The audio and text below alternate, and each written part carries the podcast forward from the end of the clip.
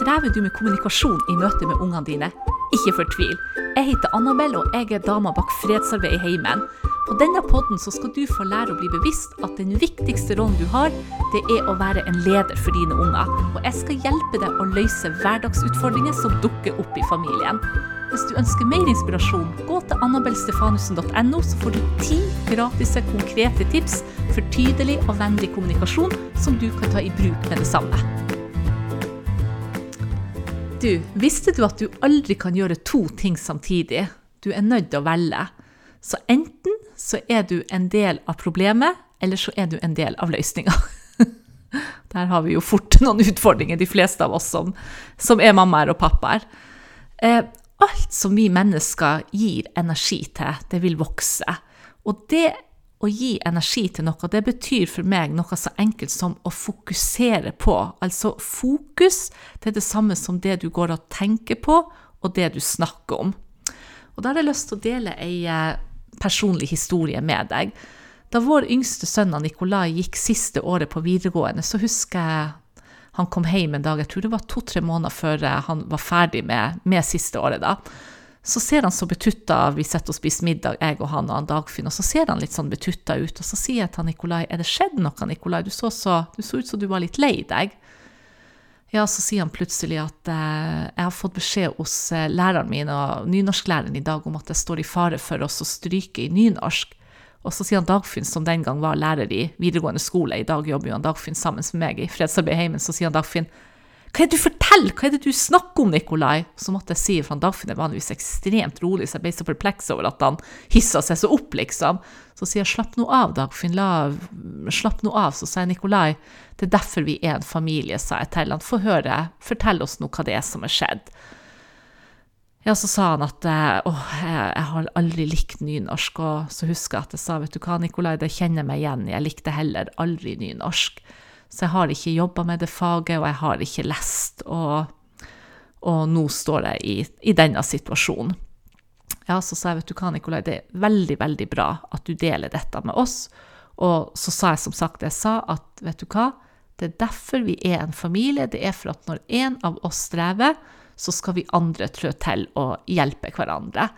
Så jeg husker at jeg var på tur til Dagen etter så skulle jeg reise på et kurs, eh, men jeg er forholdsvis sånn jeg er kjapp i hodet og kan være ganske sånn framoverlent. Jeg kan jo være veldig bakoverlent, men når det trengs, så kan jeg òg mobilisere fort og være framoverlent. Så jeg sier til han Dagfinn at Dagfinn, jeg vil at du nå eh, tar kontakt med skolen, og så ber du om å få en, et møte med nynorsklæreren. Og så tar du og Nikolai og har et, et møte med denne læreren. Og så ønsker jeg at du spør den læreren om hva er det som skal til for at eh, han Nikolai får to. For jeg tenker nå er det bare viktig rett og slett tenker, at han får bestått, sånn at han får vitnemål, at han består nynorsken. Men så spurte han Nikolai også, så sier Nikolai eh, vil du det? Du, du blir nødt til å brette opp eh, ermene, og at du er nødt til å gjøre en innsats, men vi skal hjelpe deg. Men du må være helt ærlig med oss, Nikolai om du ønsker å gjøre denne innsatsen, for det er opp til deg. Du får lov hvis du kjenner at du driter i hele nynorsken, og at du er villig til å stryke, og så får du heller ta opp siste året ved en senere anledning. Eller ønsker du å gjøre en innsats nå, sånn at du nå berger karakteren, og sånn at du får bestått vitnemål? Ja, så sa han ja, han ønska at vi tok dette møtet, og at han skulle satse på å få denne toeren, sånn at han fikk bestått vitnemål. Og legg merke til at jeg sier dette her, jeg var faktisk ganske bevisst på det, for det er noe med å få dem med på laget at jeg tenkte jeg vil overlate dette ansvaret til han. Og gutten var jo 18 år, så jeg tenker han hadde selvsagt en del han skulle ha sagt. Og hadde han sagt at jeg driter i det, jeg kan stryke, og så tar jeg det opp seinere, så hadde jeg selvsagt gått inn og gjort det jeg kunne for å motivere Nikolai til å se fordelene med å gjøre en ekstra innsats de to-tre månedene som igjen, sånn at du slipper å ta et helt år på nytt. Men vi var heldige, han ønska som sagt å fullføre, så vi slapp den diskusjonen. Eh, så sier jeg til sånn, Dagfinn og Nikolai de hadde nå det møtet, jeg for på dette kurset eller hva det var jeg skulle på, kom hjem to-tre dager etterpå og fikk høre hva de hadde blitt enige om på, på møtet. da. Og så sier jeg til Nikolai, så, eh, så sier jeg til Nikolai at eh, nå skal vi legge en, en, liten plan i lag. Så sa jeg det som jeg foreslår, er at du jobber to timer hver dag, for Nikolai kunne være sløv, i likhet med sin kjære mor. Så jeg sa nå vil jeg at du jobber fra klokka seks til klokka åtte hver dag med leksen. Du jobber først i 60 minutter, og så tar du 10 minutter pause, og så jobber du i nye 60 minutter. Og så sa jeg til han i de 60 minuttene som du sitter og jobber, så skal det være full fokustid, Nikolai. Det betyr at mobilen skal være avslått. Hvis det ringer på døra, så skal ikke du gå og lukke opp. Du skal ikke gå på do eller noe som helst. Altså, det var noe, litt med å lære han Jeg hadde noen tanker bak det jeg sa nå, at jeg skulle lære han noe disiplin. Og dette skal du gjøre de neste åtte ukene. Vi har ei loftstue, kontor oppe, hvor Dagfinn som var lærer, satt ofte og forberedte seg og gjorde etterarbeid. Dagfinn er en utrolig disiplinert mann. Så jeg sa til han Dagfinn jeg vil at du òg sitter der oppe når han Nikolai jobber med nynorsken, sånn at hvis det er noe han lurer på, så kan han henvende seg til deg. Ja, så igjen så sjekker jeg ut med Nikolai, så sier jeg Nikolai, høres, dette, høres det greit ut? Ja da, det, det gjorde det. Han var enig i at han skulle gjøre denne innsatsen. Eh, så gikk det vel ei uke eller to, og så husker jeg nå at jeg var hjemme en dag, og i det der tidsrommet hvor det, han hadde fokustid, så plutselig så kommer Nikolai ned på kjøkkenet. Så sa jeg litt sånn Du, hva du gjør på kjøkkenet nå? Nei, han var tørst. Nei, men så sa Nikolai, nå hadde vi en avtale om 60 minutt fokustid. Og du er sannsynligvis ikke så tørst at da kunne du ha ropt på meg, så skulle jeg kommet opp med vann til deg. Og det var litt nettopp for å holde han ansvarlig at det det kan kanskje høres strengt ut, jeg vet ikke hvordan dette høres ut for deg, men jeg var veldig bevisst på at, som jeg har snakka om, at vi som foreldre, vi er ledere. Så jeg var veldig bevisst nå på at jeg gikk i lederrollen, satte den grensa, holdt han ansvarlig for det vi hadde avtalt. Jeg sa det på en ordentlig måte, akkurat sånn som jeg sier det her og nå. Så Nikolai, avtalen var at du skulle sitte 60 minutter, og når du har pause, så kan du gå ned og drikke og gå på do og gjøre de tingene. Men det er 60 minutter jobbing, 10 minutter pause og nye 60 minutter. Det var det vi avtalte. Og hvis det er sånn, Nikolai, at du har ombestemt deg, så må du være helt ærlig til oss med det, for da skal heller ikke jeg og pappa legge noe innsats i det som er vår del for å tilrettelegge for deg. Så igjen, han aksepterte. Og så kan du kanskje tenke herregud, hvor lettvint han Nikolai høres ut. Men da, hvis du har fulgt meg en stund også, som jeg fortalte i den første episoden, så da Nikolai var 10 år og Magnus var 13 år, så ga Nikolai og Magnus et løfte om at jeg aldri mer skulle snakke til dem. Jeg var jo ei veldig autoritær mor, og at jeg aldri mer skulle snakke til dem på en måte som gjorde at de var usikre og følte seg utrygge på meg. Så jeg gikk over fra å være ei autoritær mor til å bli ei tydelig og vennlig mor, og bli bevisst etter hvert på at det å være forelder er å være leder. Så det er klart at nå er han 18, og jeg hadde jobba åtte år med å forbedre meg som mamma. Så det er klart, jeg og Nikolai vi har nå bygd en nær og kjærlig relasjon hvor han har mye tillit til meg, og måten som jeg eh, leder han på, snakker til han på, sånn at du ikke bare lurer ja, er det så enkelt at det er bare å si det til dem, og vips, og lytte dem. Dette er jo noe som jeg og han har utvikla, og jeg har forbedra gjennom år.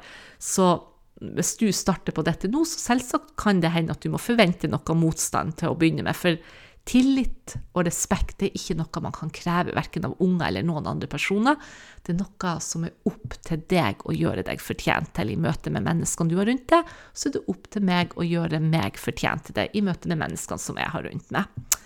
Ja, så i hvert fall, han Nikolai han bekrefter at han ønsker å fortsette, og gikk nå da opp og gjorde som avtalen var.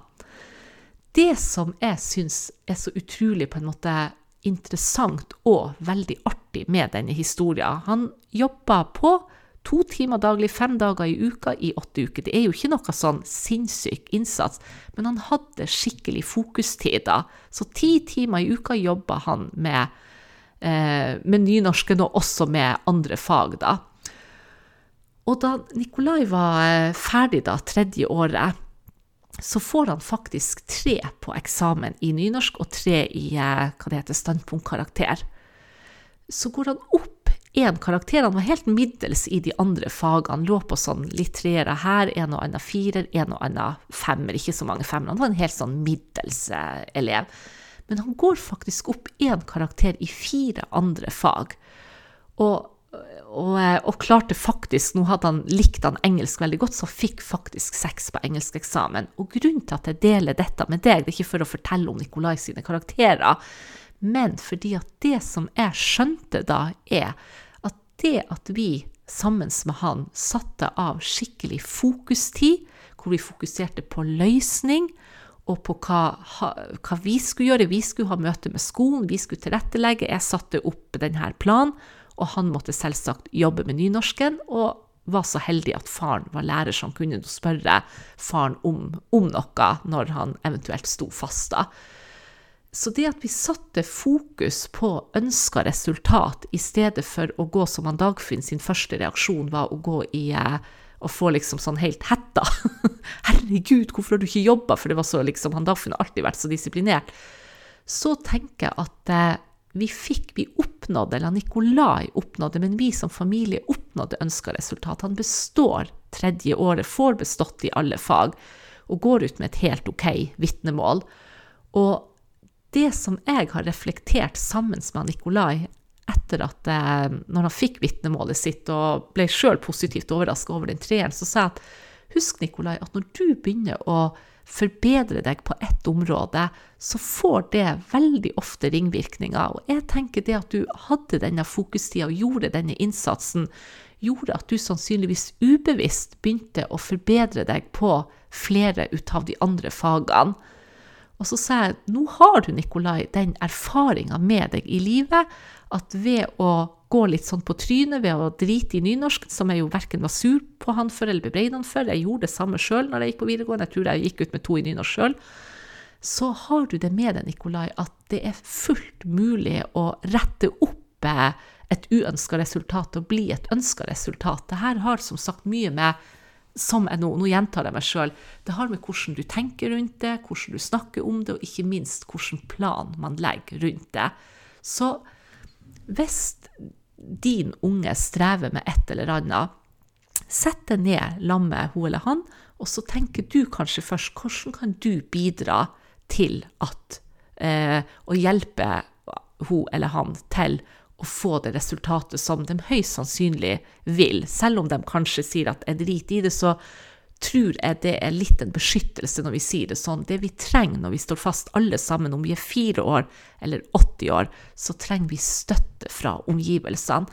Så når du spør deg sjøl er jeg en del av løsninga, altså vil jeg være en del av løsninga, eller vil jeg være en del av problemet?